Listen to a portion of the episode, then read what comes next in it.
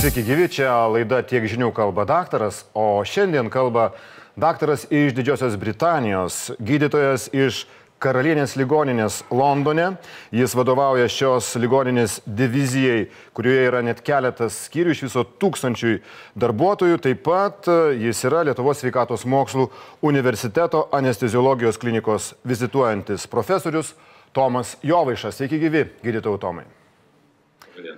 Jūs e, galima sakyti, kad, e, na, dirbate jau keletą mėnesių, beveik tris mėnesius, ar ne, tokioje vietoje, kurią galim pavadinti viena svarbiausių mūšio su naujoju koronavirusu vieta. Ar ne taip? Tikrai taip, Londonui kliuvo ypatingai daug per šitą epidemiją ir tai buvo pirmasis miestas, kuris na, patyrė tą tsunamio bangą pilną jėgą ir mūsų ligoniniai taip pat kliuvo labai daug. E, šiai dienai mes jau gydėm daugiau negu pusantro tūkstančio ligonių. Tai uh, skaičiai, skaičiai buvo tikrai įspūdingi ir ta fronto linija buvo labai labai sunki. O kokia situacija dabar, šiom dienom? E, situacija yra žymiai geresnė. Naujų ligonių skaičius mažėja, ypatingai Londone, jų yra labai nedaug, bet uh, sudėtinga yra tai, kad tie ligoniai, kurie serga kritiškai, jie serga labai ilgai. Jų vidutinė gulėjimo trukmė yra kelios savaitės, mes turim ligonių, kurie yra išgulėję net intensyvioji terapija ilgiau negu mėnesį. Tai, tai šiandien ryte vis dar 40 procentų mūsų intensyvios terapijos lovų yra, juose guliai COVID sergantis ligoniai. Na, Londone ir Didžioji karalystėje, Junktiniai karalystėje taip pat yra didelis mirti, mirčių nuo koronaviruso skaičius, ar ne? Šita statistika, regis, rodo, kad antras po Junktinių Amerikos valstijų yra būtent mirtingumas nuo koronaviruso e, Didžiojo Britanijoje. Skaičiau, kad e, sakoma, jog New York, Junktinėse valstijose yra ištisos gyventojų grupės, kurių sveikata, na, tokia, jog e, virusas jiems yra daug pavojingesnis negu sveikesniems žmonėms. O su kuo jūs sėtumėte Anglijos ar Didžiosios Britanijos tą skaičių, kuris e, lemia, jog e, mirtingumas nuo, nuo, rodo, kad mirtingumas nuo koronaviruso yra didelis. Na, mirtingumas priklauso iš esmės nuo sergančiųjų skaičiaus, sakykime taip labai labai grubiai, jeigu kalbėti, tai kuo daugiau serga, tuo daugiau miršta. E, matematika yra labai paprasta, tai e, tiesiog tos pasaulio valstybės ir tie miestai, kuriuose yra ypatingai didelė žmonių migracija, kur yra ypatingai didelis žmonių tankis, kur e, didžioji dalis populiacijos priklauso nuo viešo transporto, e, kur milijonai žmonių kiekvieną dieną keliauja metro, pavyzdžiui. Tai, tai e, tokių virusų ir epidemijų plitimas yra neišvengiamas ir jis yra žymiai sunkesnis negu tose šalyse, kur gyventojų tankis yra mažesnis.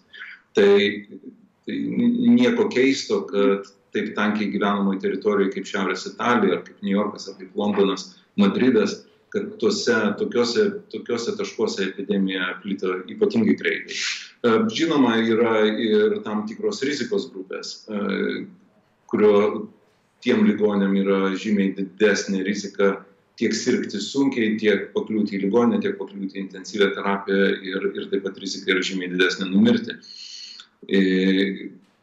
kodėl taip yra iki galo ir gal šimtų procentų nežinom, tikriausiai tai yra daug priežasčių, kodėl kodėl amžius turi labai ženkliai įtaką mirtingumui, kodėl tam tikra, reiškia, rasinė ar tam tikros lydinčios lygos padidina riziką.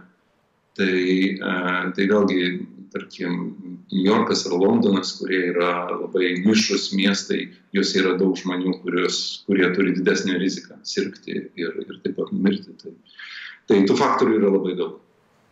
Vienu metu ir laukiama vakcinos ar vaistų nuo šio viruso ir tuo pat metu laukiama, kad kuo daugiau persirgtų populacijos, to vadinamojo grupinio imuniteto. O ar galima jau sakyti ir, ir na, įvertinti, ką gali žmogui konkrečiam reikšti tai, kad jis persirgo, jau persirgo naujojų koronavirusu? Kol kas nežinom, tiesą pasakius, lyga vis dar yra per daug nauja, kad, e, kad galima būtų atsakyti na, su kažkokiu tai procentų tikrumu. Nes žinom, kad persirgusiųjų kraujyje yra antikūniai. Yra teorija, kad galbūt tie, kurie persirgo sunkiau, kad galbūt jų imunitetas susiformuoja stipresnis. Bet visa tai yra tik tai teorijos ir e, tik tai laikas parodys, man atrodo, į šitą klausimą galima bus e, atsakyti tik tai po kokių vienu ar dviejų metų, kai žinosim, kiek, kiek ilgai išsilaiko tie antikūniai, ar, ar tų antikūnių titrai yra pakankami tam, kad apsaugoti žmonės nuo lygos. Tai labai norėtųsi, kad persirgus imunitetas liktų visam gyvenimui ir ypatingai, kad tas imunitetas apsaugotų ir nuo, nuo kitų koronavirusų ateityje, bet, bet tai kol kas tai yra tik tai spėlionės geriausiu atveju. Na, o ką, gali, ką galima būtų pasakyti apie jūsų, kurie kovojate tose pirmosiose mūšio ar fronto linijose savijautą, psichologinę galbūt e, būseną jūsų ir jūsų kolegų, juk iš tikrųjų kovojate dėl gyvybių ir e, kartais sėkmingai, kartais nesėkmingai kovojate su nauju virusu, nauja neištirta lyga, buvo tokia kažkokia liktai netrinėtojai teritorijoje.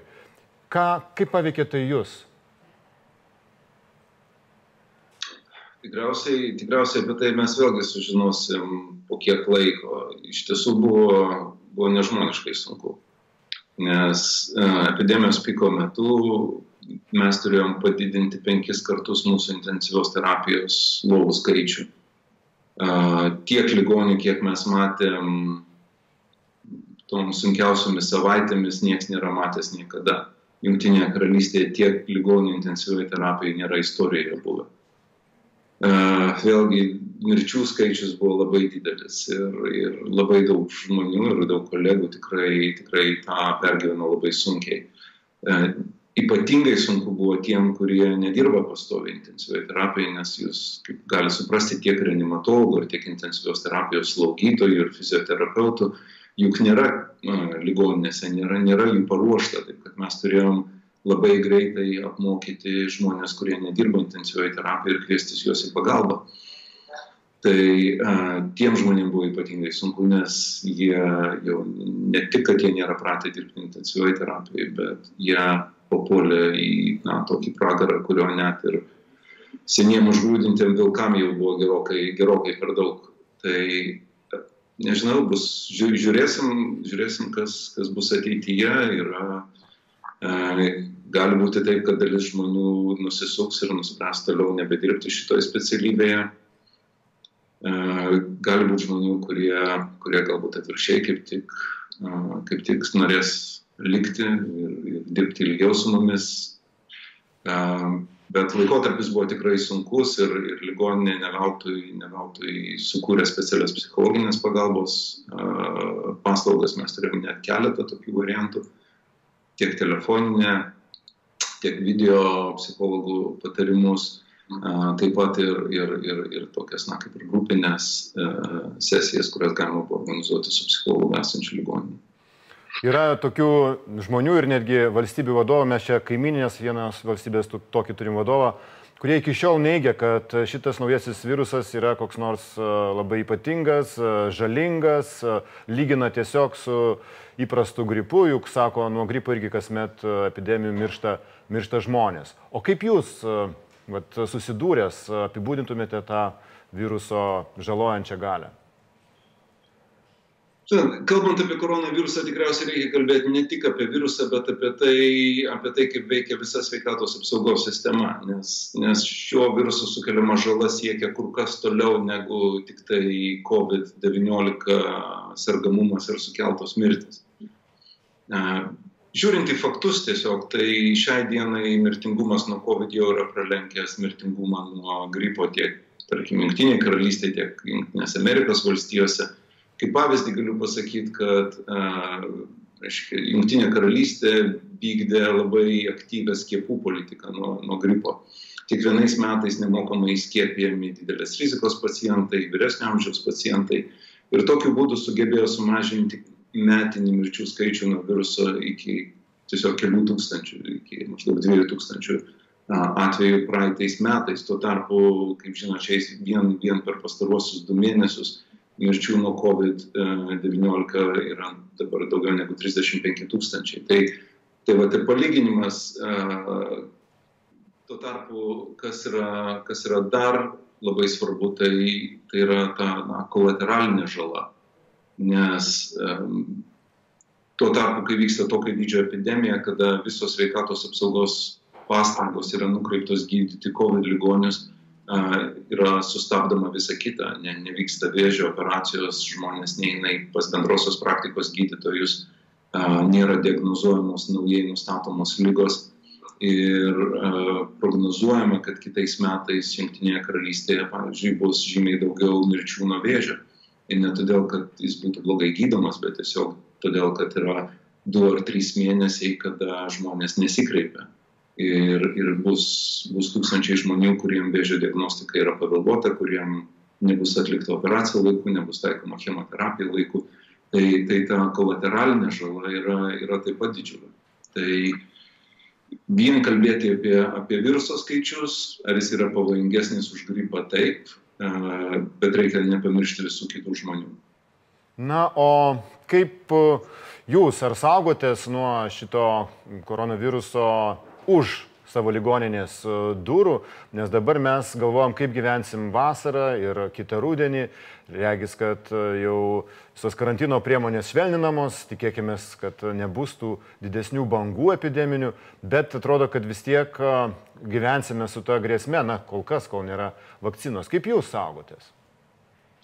Na, mes jau, taip sakyti, susitaikėm su tą mintim, kad gyvenimas negrįžta atgal į senas vėžės bent jau artimiausius metus, gal pusantrų, tikriausiai gyvensime su COVID-19, o ne po COVID-19. Tai um, šiuo metu mano kaip vadovo pareigas pagrindinės yra, yra perplanuoti visą ligoninės tarnybą, uh, kai ir orientuojantis į tai, kaip galima bus, pavyzdžiui, operuoti ligonius planiniai chirurgijai, apsaugant juos nuo uh, užsikrėtimo virusų rizikos ligoninėje. Tai uh, Tai mes visą, tiesiog visą ligoninės struktūrą bandom perplanuoti. Tai čia tik tai vienas iš pavyzdžių apie tai, kaip yra ruošiamas gyvenimui, ilgalaikiam gyvenimui su COVID. E, dėl karantinų nėra jokios abejonės, kad karantinas suveikia ir suveikia labai efektyviai, e, bet objektyviai e, yra neįmanoma išlaikyti karantino labai ilgą laiko tarpą ir, ir,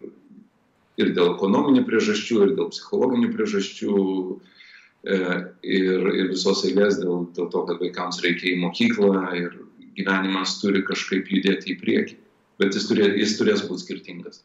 Tai, sakykime, karantino metu mūsų, tiek aš, tiek mano visi kolegos, mes gyvenam kaip, kaip tokiam burbule, reiškia, gyveni namie kaip, kaip izolacijoje ir tik tai, tik tai iš namų nuvažiuoji į ligoninę ir ten vėlgi yra antras burbulas, kuriame gyveni. Ir, Tuo tarpu kontaktų, kontaktų su išorė, su išorė per tą laiką buvo minimaliai.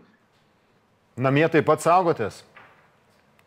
E, namie taip, taip pat saugomės ir mano buvo tokia situacija, kad mano, reiškia, kartu gyvenanti dukra uh, susirgo ir, ir tam, kad aš galėčiau tęsti darbą, tai jinai sirgo namie ir ačiū Dievui, kad pakankamai nesudėtingai.